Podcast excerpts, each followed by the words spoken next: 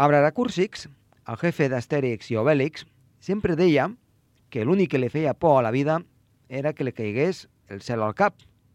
I avui parlarem justament d'això. No és que ens hagi de caure el cel al cap, però sí parlarem de la brossa espacial, del que deixen els satèl·lits meteorològics, els satèl·lits d'espia, els satèl·lits de comunicació, quan ja no es fan servir, quan es queden per l'espai, a vegades doncs, fins i tot impacten contra altres satèl·lits i deixen moltes petites peces que ja veuran, són molt i molt perilloses. Per tant, esperem que no ens caigui res al cap. Comença el torn.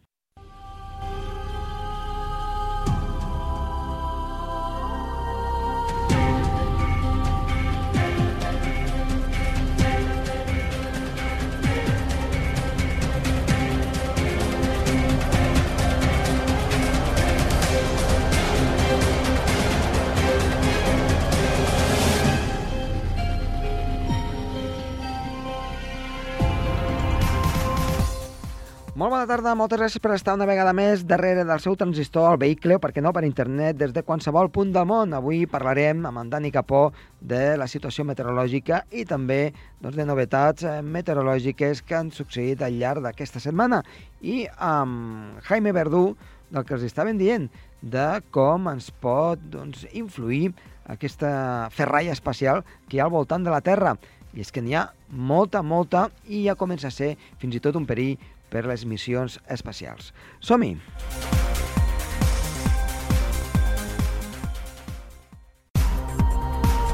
El torn, amb Josep Tomàs.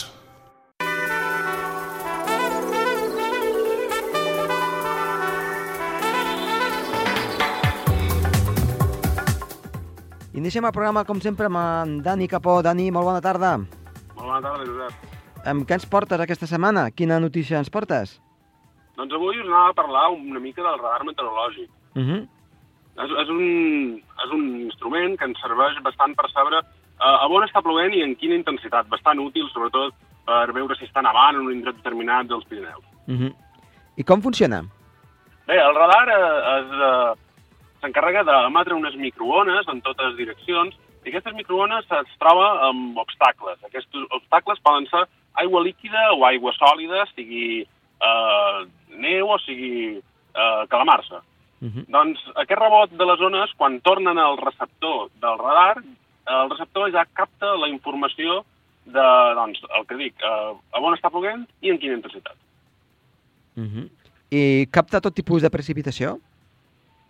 Sí, eh, de fet, a vegades els radars tenen alguns errors.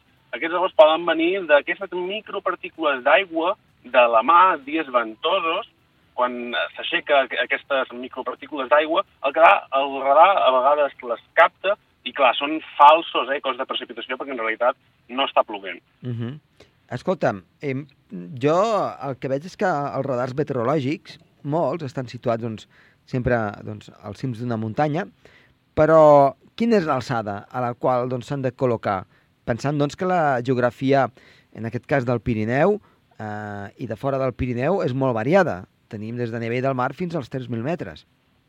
Clar, eh, depèn molt de la geografia. Si un radar eh, està situat en una banda on no hi ha muntanyes, no hi ha obstacles per a aquestes microones, es pot situar a qualsevol cota, és a dir, mm -hmm. ho podem posar a nivell del mar. En canvi, si hem de simbolitzar la precipitació que hi ha al Pirineu, doncs sí que cal aixecar una mica aquest radar a una altura on aquests picos no, fai, no facin ombra del radar i puguem veure realment la precipitació que hi ha eh, bandes eh, sota vent d'allà on està situat el radar. Mm -hmm. Perquè aquí al Pirineu com podem saber si està plovent o nevant? Com es pot saber? I després, com arriben aquestes microones si el radar està per sota de la cota on, on està situada aquesta precipitació?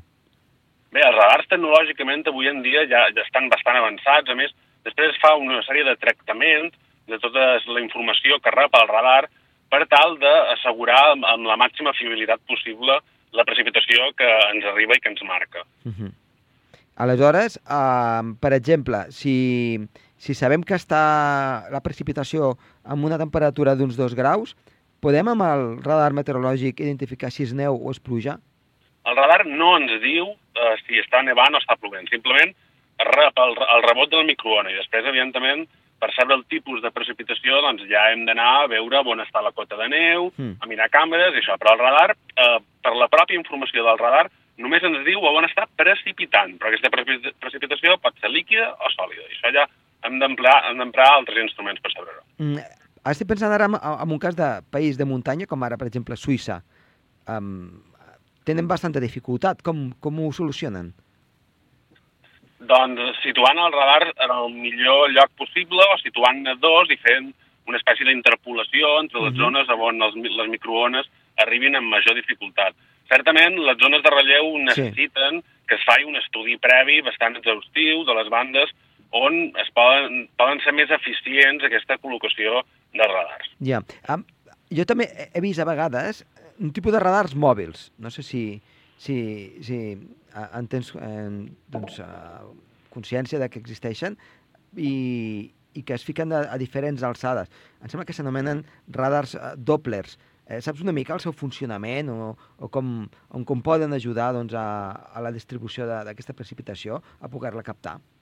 Aquests radars que em dius sí que els he sentit, però no, no els he estudiat de tal manera que us pugui ensenyar realment el seu funcionament. És a dir, eh, sé que existeixen, sé que són molt útils, però segurament també són bastant més cars per poder, Mhm. per poder tenir-ne molts a disposició. Mm, Per, per exemple, en zones de muntanya suposo que deu ser el, el, el millor. Aquí a Andorra no, no en tenim cap, llavors ens hem, de, ens hem de guiar una mica amb els que hi ha a França i amb els que hi ha doncs, en aquest cap pas a la, a la, a la vessant catalana i també fins i tot de, de l'AEMET, no? de, de, del que és a l'Institut de Meteorologia espanyol. Clar, potser aquí arriba amb, amb bastanta deficiència i, de fet, fins i tot, a vegades, la precipitació eh, veiem que està una mica desplaçada. O sigui, que no correspon exactament on plou, eh, on marca el radar. Això no sé si eh, és una errada o és, o és del, del mateix radar, de com, de com rebota aquesta, aquests, aquestes partícules eh, de pluja que amb, amb, amb el microones. Tu saps una mica a què pot ser deguda aquesta, aquesta situació anòmala que es dona en aquesta àrea del Pirineu? Clar, és, és que és, és això. Quan tenim tant de relleu, tant d'obstacles, és molt, es fa molt difícil tenir una precisió exacta de la zona perquè les microones, com dèiem, es, es veuen amb obstacles i moltes vegades s'han de fer un tractament després de rebre aquestes, aquestes, aquestes rebots. De... I, clar, això és un procés difícil i és, és, és normal que en diferents zones hi hagi aquests errors que és, com tu dius, on tal vegada es podria posar aquests radars mòbils més avançats per tenir una informació més Mm -hmm. Quan hi ha una tempesta, eh, això sí que veiem diferents eh, intensitats de color, no? A més intensitat vol dir que hi ha més precipitació. Totalment. Totalment. I moltes vegades el que, el que ens hem trobat és que en la calamarsa, Sí. encara que el tipus de precipitació no sigui molt forta, el, el, els colors que ens apareixen són molt, molt oscurs, són com si estigués ploguent molt. Això, això és perquè, evidentment, el camarsa, al ser una gota molt més grossa, molt més eh, potent que una gota líquida, fa que el rebot sigui molt més intens, però a vegades no es correspon amb la intensitat, sinó amb la grandària. Amb la grandària. Però vol dir que està caient doncs, calamarsa o pedra en, en aquella zona. Sí, eh, de fet, si tenim, si tenim uns mapes que ens indiquin que pot haver-hi calamars i després veiem el, el radar que hi ha unes taques sospitoses de color taronja i tal, podem sospitar clarament que en aquella banda hi està caient calamarses. Mm. I normalment aquests radars van donant voltes de 360 graus o només estan cap a, cap a una, una, una banda en general? Sí, sí, sí, és a dir, s'encarreguen d'emetre ones en totes direccions En totes i sempre direccions. estan... Sí, sí. Eh, I això pot ser perjudicial per la salut? No, de moment, mm, que jo sàpiga, no hi ha cap estudi que indiqui que la proximitat d'un radar té influències en, el, en la salut de les persones. Mhm. Esperem que no, vaja. Esperem que no, si no malament. Eh, Dani, doncs moltíssimes gràcies. T'esperem la setmana vinent. Vinga, moltes gràcies, Josep. Adéu-siau. Adéu. El torn amb Josep Tomàs.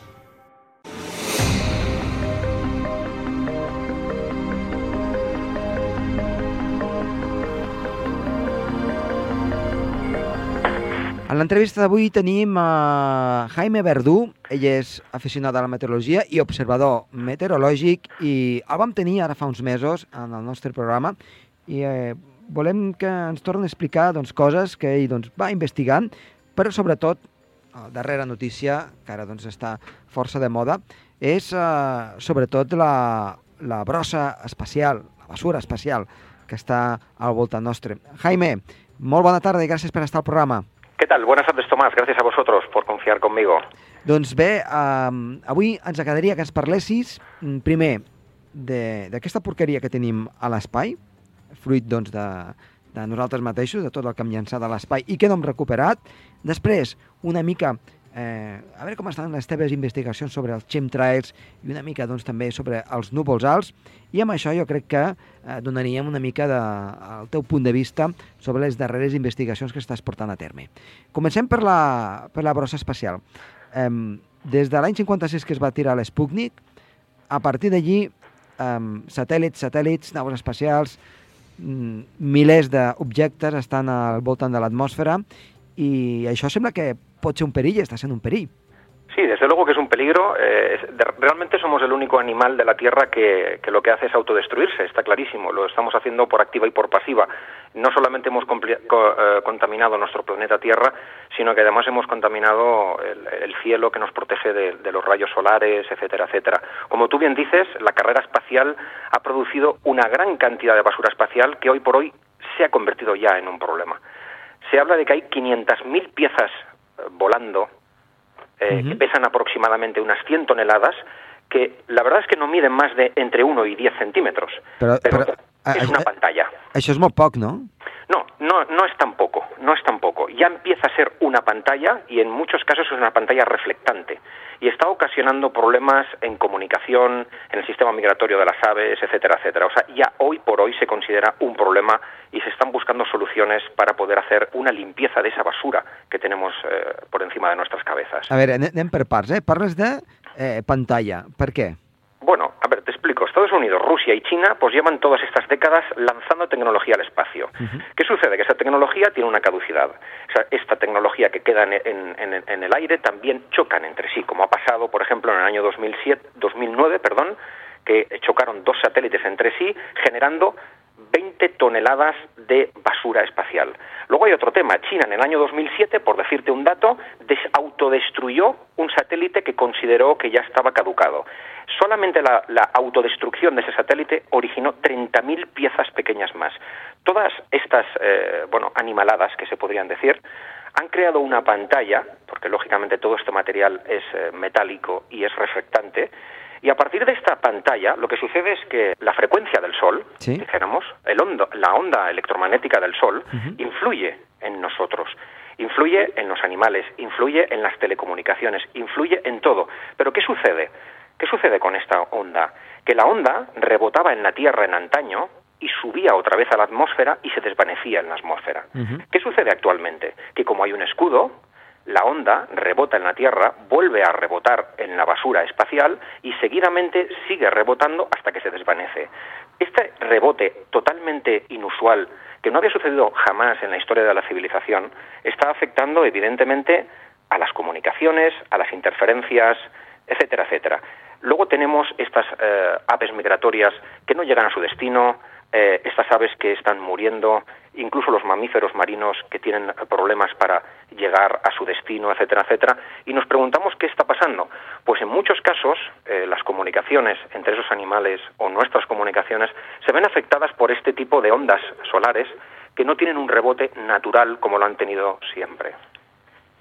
I, i en quina mesura pot afectar això la migració de, de, de, de les aus? Bueno, eh, to, todo ese tema aún está en estudio, uh -huh. pero el sistema migratorio de las aves, que es un tema muy complejo, incluso se habla de que podían tener eh, ferrita en sus propios cerebros para sí. utilizarla como un sistema migratorio por la, geo, para, por, por, la, por, por, la forma de la Tierra uh -huh. y la forma magnética que, que hay en la Tierra, se podría quedar modificada en el momento de que el Sol, la frecuencia del Sol, modificada porque la onda se repite en varias ocasiones y lógicamente lo que hace es que el, animal en concreto no tiene el sistema migratorio en funcionamiento correcto. Estamos eh, afectando la biodiversidad, estamos afectando nuestras propias comunicaciones y estamos afectando nuestra salud en todos los aspectos con toda esta gran modernidad que en muchos casos no obedece a un desarrollo humano, sino que obedece a una batalla entre países, geopolítico, eh, tipo guerra de las galaxias, eh, todo siempre es un concepto militar de eh, me voy a proteger ante tu amenaza, etcétera, etcétera. Por lo tanto, no es un desarrollo humano natural, no es una modernidad, una tecnología que nos favorece, sino que en muchos casos és protecció, secreto, etcétera, etcétera. -huh. Perquè, eh, de fet, eh, que tu estàs dient és que, degut a la brossa espacial que envolta ja tot el planeta, eh, doncs a altituds que van, suposo, entre els 30 fins als 300 quilòmetres eh, d'alçada, o fins i tot molt més enllà, eh, una part d'aquesta brossa, evidentment, entra a l'atmosfera i, i, i es destrueix. Però el que encara està voltant, el que fa és, diguem no deixa entrar tota la intensitat del sol que hauria d'arribar. Efectivamente. Potser és un tant per cent molt petit, 0,01%. Sí, es posible que sea esta, esta, gran, esta cantidad. Cierto es que eh, cada 25 años o Sí. cada X años van cayendo esta basura espacial y eh, se desvanece en las, en las capas porque se queman y caen pe- pequeños pedazos. Sí es cierto, pero hay una gran cantidad que está eh, dando vueltas, que está como en un cementerio que tardará muchísimos años en caer. Y esta gran cantidad de basura espacial es algo que no había sucedido nunca en la historia de la humanidad. Si la humanidad tiene 10.000 años de historia, bueno, pues nunca había pasado esto. Entonces, a esto lo hemos producido nosotros y estamos dentro de un bucle que nuestra propia eh, porquería o basura que estamos generando es la que nos está de algún modo o manera autodestruyendo porque no tenemos ese equilibrio natural que habíamos tenido en las, en las últimas décadas. Eh, I quina és la solució? Bueno, eh, ya se están eh, reuniendo todos estos líderes eh, políticos para utilizar la robótica para hacer como una limpieza, como unos basureros espaciales y eh, o destruirlos en algún punto o aislarlos en algún punto que estuvieran todos reunidos como si fuera un, un auténtico y genuino cementerio.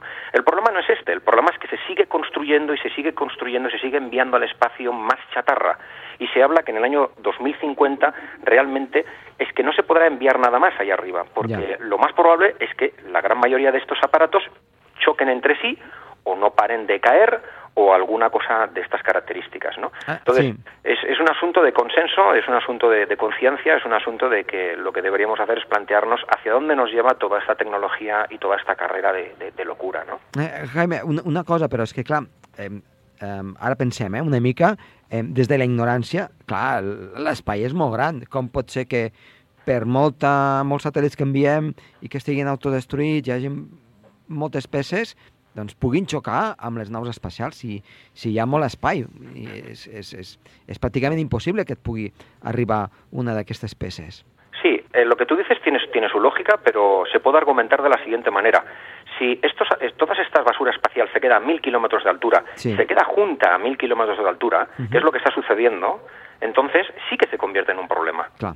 Porque lo que está haciendo es orbitando y lo que está haciendo es creando una pantalla. Sí, Entonces tú- sí es un problema. Mhm. Tu saps que amb aquesta alçada et trobaràs, doncs, igual que tenim el cinturó d'asteroids, doncs el cinturó de, de, de basura uh, orbitant a 1.000 o a 3.000 o a, o a, o a 10.000 quilòmetres de- d'alçada. Efectivamente, así Ujú. es. Así Clar, es. Este i- es el problema. Llavors, uh, aquí és, eh, potser a la resta de, de l'espai no hi ha res, però eh, tens, tens un punt, un punt negre en el qual doncs, eh, s'ha de traspassar i hi ha moltes probabilitats de que, pugui, que, que puguis tenir un impacte important. No? Efectivamente.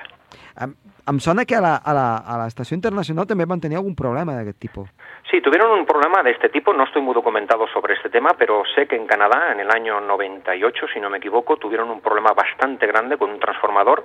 Se quedó durante varias eh, decenas de horas eh, la ciudad completamente en apagón y precisamente fue por alguna, de alguna forma algún pulso solar eh, importante, fuerte, y eh, como de alguna forma y manera hay estos rebotes, afecta de una manera importante a los transformadores generales. De hecho, las fibras ópticas cada vez tienen más información, cada vez eh, hay más caudal de información, cada vez se les exige más potencia y de alguna forma y manera el sol está interfiriendo en estos, en Ujú. estos tipos de comunicaciones. D'altra banda, el que havíem parlat a l'inici de, de l'entrevista, um, com està el tema de, dels chemtrails i, de, i dels núvols alts, que tu doncs, vas fent la teva investigació doncs, personal? Bueno, ya habíamos comentado de que desde el año 2011 que eh, Andorra eh, cede el espacio aéreo a la ONU dentro Sí. de un programa que se le pone un nombre que se llama Viabilidad Invernal. Desde ese momento se cede el espacio aéreo, vuelvo a insistir, y eh, por, nuestro, por nuestra geografía pasan entre 100 y 200 aviones comerciales en general que invaden nuestro espacio aéreo. ¿Qué sucede? Que estos aviones vuelan a 10.000 metros de altura y dejan unas eh, supuestas estelas.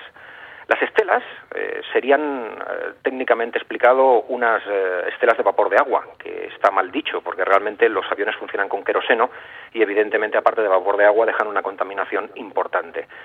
Eh, ¿Qué sucede a partir del año 97? Bueno, sucede algo, porque los aviones eh, ya no dejan una estela corta que se desvanece, sino que los aviones dejan una estela larga que no se desvanece y hace que el, cielo, a 10.000 metros de altura, quede como turbio, pálido, con menos luz, eh, hay un aspecto grisáceo y opaco.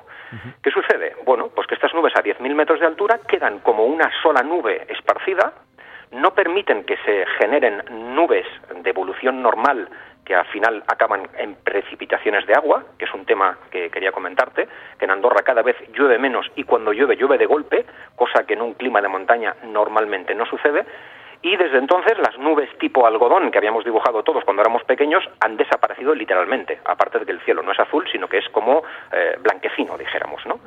Entonces, claro, este fenómeno, vamos a llamarle fenómeno, eh, es un fenómeno visual que podemos observar eh, cualquier día, porque sucede en la gran mayoría de días, y eh, bueno, queda el cielo completamente blanco, las nubes normales, de evolución normales, desaparecen, se quedan deshechas, no llueve y pasan semanas y semanas y semanas y sigue sin llover. Entonces yo esto lo ataño a este fenómeno que sucede en el año 2011 y es que se abre nuestro espacio aéreo y pasan entre 100 y 200 aviones que no solamente ocasionan un, efecto sonoro, de impacto sonoro, que evidentemente eh, también nos influye en nuestra calidad de vida, sino que además nos contaminan porque el queroseno evidentemente queda diluido en el aire y va cayendo y además se crea, insisto y vuelvo a insistir, esa capa blanca eh, de chemtrails o estelas químicas o como se le quiera llamar, porque se le puede llamar como se quiera, pero se ve visualmente un cielo absolutamente anormal. Uh -huh. I a més a més, eh, parlàvem ara fa uns mesos del tema de les temperatures, no? que, que pot arribar a afectar una mica el que és la temperatura global en aquest aspecte. Bueno, pues sí, yo creo, yo bueno, yo soy un negacionista del cambio climático, ya, ya me conoces, pero yo pienso que más que un calentamiento global, eh, vamos hacia un enfriamiento global. Eh, si el sol no hace su trabajo, si el sol no eh, calienta el planeta porque tenemos estos, estas, estas nubes altas de 10.000 metros de altura en toda Europa, porque hay que recordar que en el mundo entero hay 100.000 vuelos de aviones cada día, solamente en Europa hay 30.000 vuelos de aviones eh, cada día. Hay que recordar que la aviación se privatizó en los últimos 10 años en toda Europa, ya no es un asunto del Estado, sino que son de, empresas privadas. Y cuando las empresas privadas tienen eh, una herramienta como es la aviación, pues lógicamente se puede utilizar para generar eh, cambios en el clima.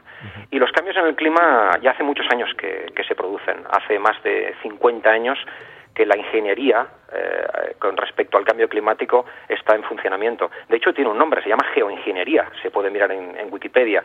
La geoingeniería es una técnica para modificar el clima a través de la siembra de nubes artificiales ya hace muchos años que en los eventos importantes, como eh, concentraciones eh, gigantescas de gente, visitas del Papa, eh, eventos futbolísticos, etcétera, etcétera, muy importantes, no llueve, pero es que no llueve simplemente porque hay una empresa que se encarga de disipar las nubes. Entonces esto ya es de dominio público y está extensamente documentado. Jaime, eh, molt interessant, com sempre, que ens expliques. Eh, continuarem en contacte i quan hagin doncs, més novetats, aquí tens la teva casa. Moltes gràcies, Jaime, fins la propera. Igualmente te digo, Tomás, gracias a ti, un saludo.